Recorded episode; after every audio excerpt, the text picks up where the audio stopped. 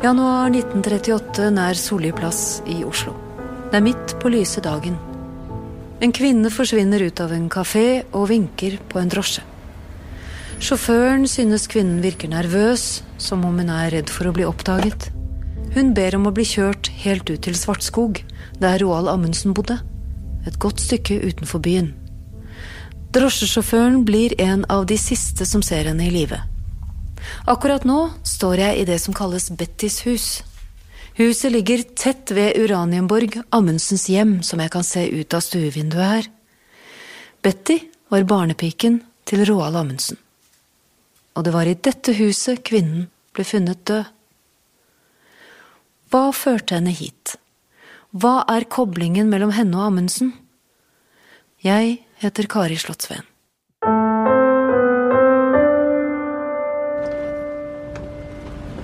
Men tilbake til drosjen, på vei ut av Oslo.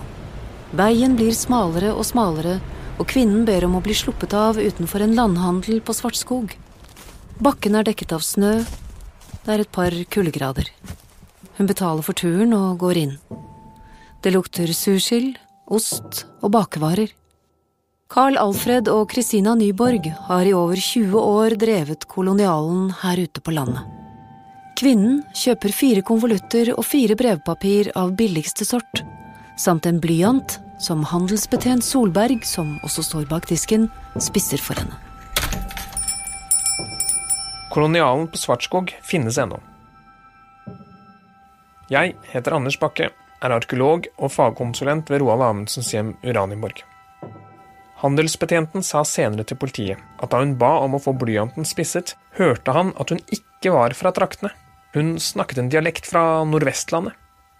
Til politiet sa han Han tenkte derfor at hun var et fremmed menneske på besøk hos noen på Svartskog.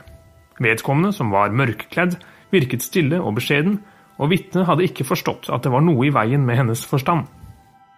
Ingen vet hvorfor kvinnen reiste helt ut til Svartskog denne ettermiddagen i 1938. Men vi vet hvem hun var. Johanne Aurdal, 38 år gammel, utdannet sykepleier fra Sykkylven i Møre og Romsdal. Tidligere samme dag satt hun på en kafé ved Solli plass sammen med sin søster Nikoline. Hun hadde lovet å vente mens Nikoline var ute etter den. Idet søsteren kom tilbake, var Johanne borte. Planen deres var å besøke en slektning på Vestfossen, og søsteren tenkte at hun sikkert hadde reist i forveien. Det hadde hun ikke. Ingen hadde sett henne. Nikoline meldte henne savnet til politiet.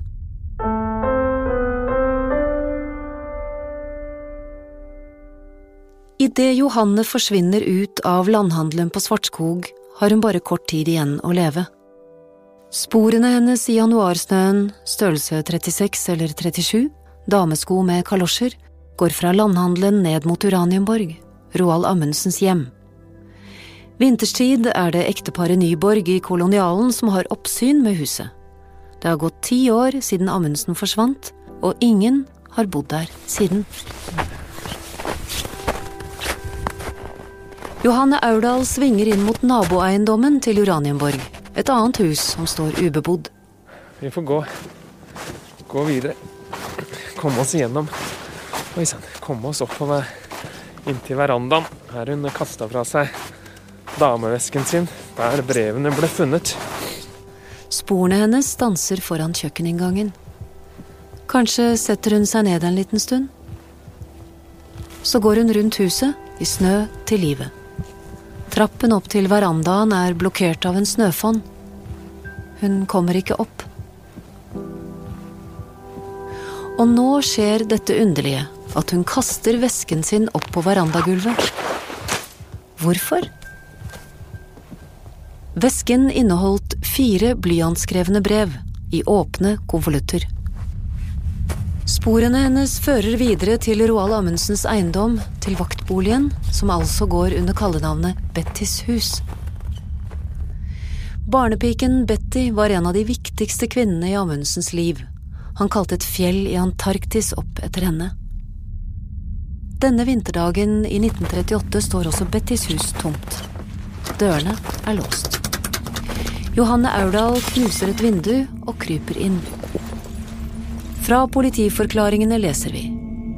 I det vestre rom mot sjøen sto det en alminnelig divan, et lite bord med telefonapparat, i hjørnet en stoppet lenestol, midt på gulvet et gammelt rundt spisebord og, så vidt erindres, fire pinnestoler. Rundt bordet og utover dette bordet og disse stolene lå det to norske flagg til lufting. Av en eller annen grunn kastet Aurdal flaggene ut av vinduet. Telefonen i landhandleriet ringer. Det er fra Bomansvik, på andre siden av Bunnefjorden.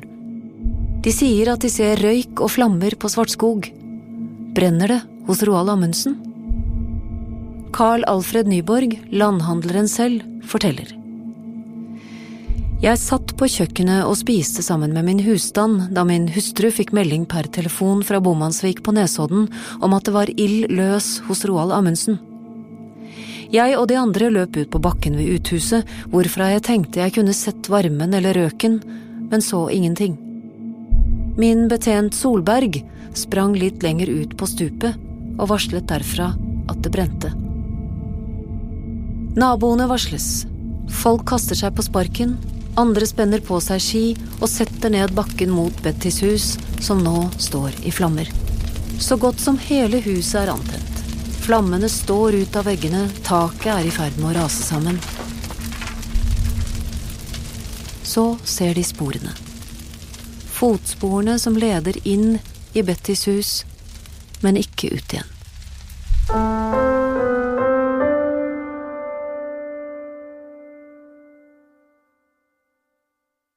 I arkivet på Folle museum finner avdelingsdirektør Henrik Smith fram en Aftenposten fra januar 1938 som både har bilder av Bettys hus etter brannen og fotsporene i snøen.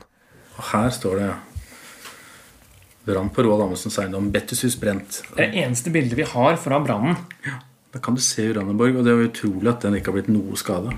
Det er brent helt ned. Ja. Når flammene omsider er slukket, begynner de å søke i ruinene. Så finner de henne, liggende på ryggen, forkullet, rett innenfor det knuste vinduet. Søsterens etterlysning gjør at politiet ganske raskt forstår hvem kvinnen er. Politiet følger sporene bakover, opp til naboeiendommen. På verandaen finner de vesken. I den ligger en pudderdåse med initialene JA, Johanne Aurdal, en 20-dollarseddel og noen norske og amerikanske mynter, noen sigarettmunnstykker og de fire brevene. Ett er til venner i hjembygda Sykkylven. Det andre er til venner i Amerika. Det tredje til politimesteren i Oslo. Og det fjerde er til J. Edgar Hoover, direktør i Bureau of Investigation, forløperen til det amerikanske FBI.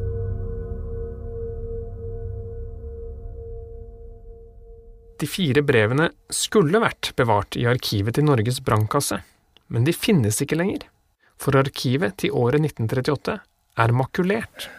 Og da var det det året som var kassert? Det er noen år som er tas ut. Ja. Og selvfølgelig, det året som vi trengte, det er tatt ut.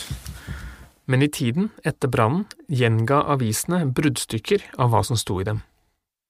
Nordiske Tidene, en norsk avis i USA, kunne fortelle at i brevet til Edgar Hoover skal det ha stått at hun var tynget av samvittighetsnag, men ellers var brevet fullstendig forvirret. Flere aviser er raskt ute med å melde at det dreier seg om et nervøst sammenbrudd. Fra lokalavisen Sunnmørsposten 13. januar, altså to dager etter brannen, så skriver de Sykesøster fra Sykkylven brant inne på Svartskog, satte selv ild på hytten, forberedte sin egen dør, og det var nervøst, nervøst sammenbrudd som var skyld i tragedien. Var hun rett og slett sinnsforvirret? Her står det hun var tirsdag kommet til Oslo sammen med sin søster for å søke lege. Altså Sykepleiersken var nedbrutt og måtte legges inn på sykehus. Det har vi ikke hørt før. Ja. Altså Her er hun plutselig syk. Det kommer ikke fram noen andre steder, Nei. selv ikke i politirapporten, at, at hun eventuelt skulle legges inn på sykehus. Enkelte detaljer er litt pussige, som at brevet til Oslo politikammer er undertegnet Mrs. Hoover. Dette er pussig, men det er likevel noen detaljer som gjør at jeg ikke klarer å legge dette fra meg. For hva var det hun ville fortelle politimesteren i Oslo og Edgar Hoover? Arbeiderbladet 12.1.1938 refererte til bruddstykker i brevet til Oslo-politiet. Jeg først nylig fikk vite sammenhengen. Jeg mener jeg må betale med mitt liv. Hvilken sammenheng er det Johanne Auredal sikter til her? Finnes det en kobling mellom henne og Amundsen? Stavanger Aftenblad ser du her, kan skrive 13. 13. januar, en ganske mm. interessant ting. At er det, en, er det et mord eller selvmord? Ja. Eh, for her har de begynt å lese brevene, sier de. Og uh, utelukket er det naturligvis ikke at en forbrytelse kan skjule seg bak dette. Men brevet kan jo også ha blitt skrevet for å villede politiet. For hun skriver, Det er skrevet i disse brevene at hun selv må bøte med livet, at det fremgår tydelig at det er en kjærlighetstragedie som er grunnen. Politiet lurer først på om brevene er skrevet av noen som prøver å villede dem. Men to av brevene er signert av Jonna, Johanne, og det virker som det er henne.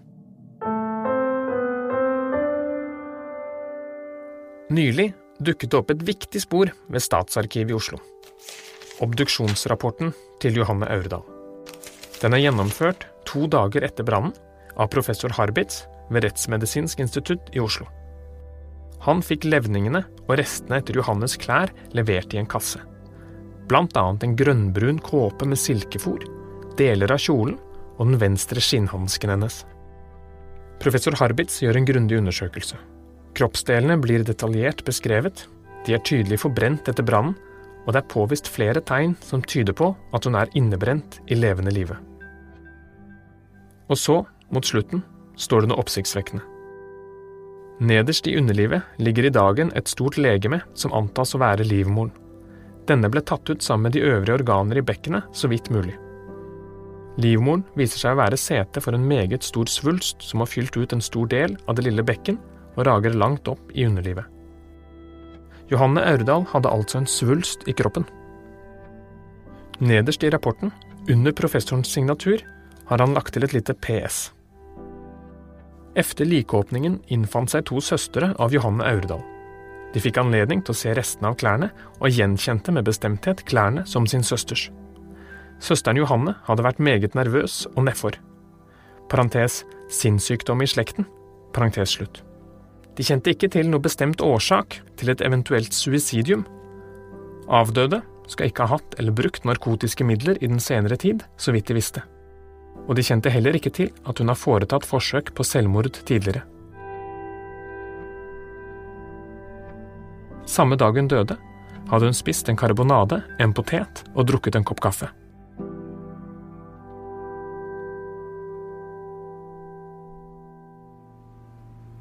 Dette er det vi vet om Johanne Aurdal. Etter å ha jobbet seg helseløs som hjembygda Sykkylvens eneste sykepleier, bestemmer hun seg for å reise til Amerika. Hun har familie der borte, og i juli 1928, 29 år gammel, seiler hun inn havna i New York om bord på Stavangerfjord. Derfra reiser hun videre til Seattle, hvor også broren Lars har bodd. Kontrastene til lille Sykkylven er enorm. I Seattle får Johanne jobb ved det norske sykehuset og i 1937 vet vi at hun arbeider som husholderske hos et norsk-amerikansk ektepar i Seattle, Aslaug og Håkon Beyer Friele. Og kanskje er det hos denne familien det kan finnes en sammenheng mellom sykepleieren og polarhelten. Frieles hjem har visstnok ofte prominente norske gjester. Kronprins Olav, kronprinsesse Märtha, Fridtjof Nansen og kanskje Roald Amundsen. I Amundsens brevsamling, som nå ligger på Nasjonalbiblioteket, finnes det et brev fra Friles bror Einar. En invitasjon til Roald Amundsen om husly, dersom han skulle foretrekke å bo privat i ro og fred om han kommer til Seattle. Vi vet ikke om han takket ja til denne invitasjonen. En teori er at Johanne møtte Amundsen på en tilstelning i Amerika, og at han avviste henne. Svakheten med denne teorien er rett og slett at hun kom til Seattle i juli 1928, tre uker etter at Amundsen selv var forsvunnet. De kan ikke ha møttes. I alle fall ikke i Amerika.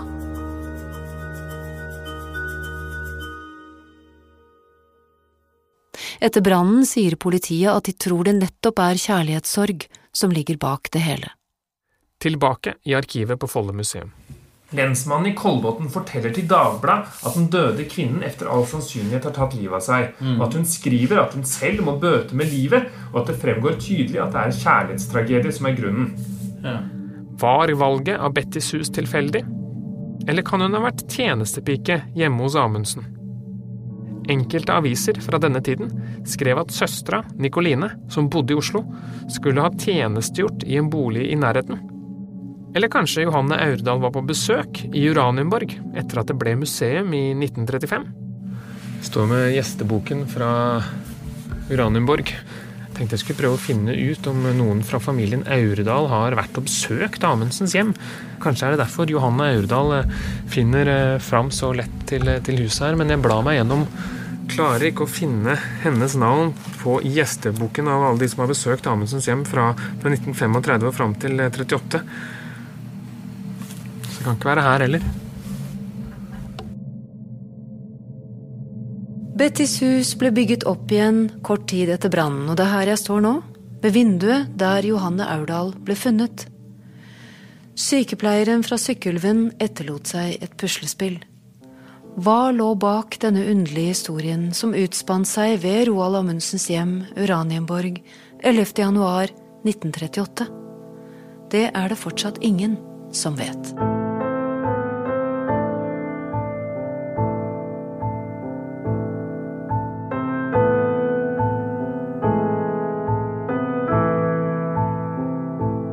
Johanne Aurdals aske ble fraktet fra Oslo til hjembygda Sykkylven, der hun i dag er gravlagt. Vi har vært i kontakt med Aurdals slektninger, som ikke ønsker å delta i denne podkasten.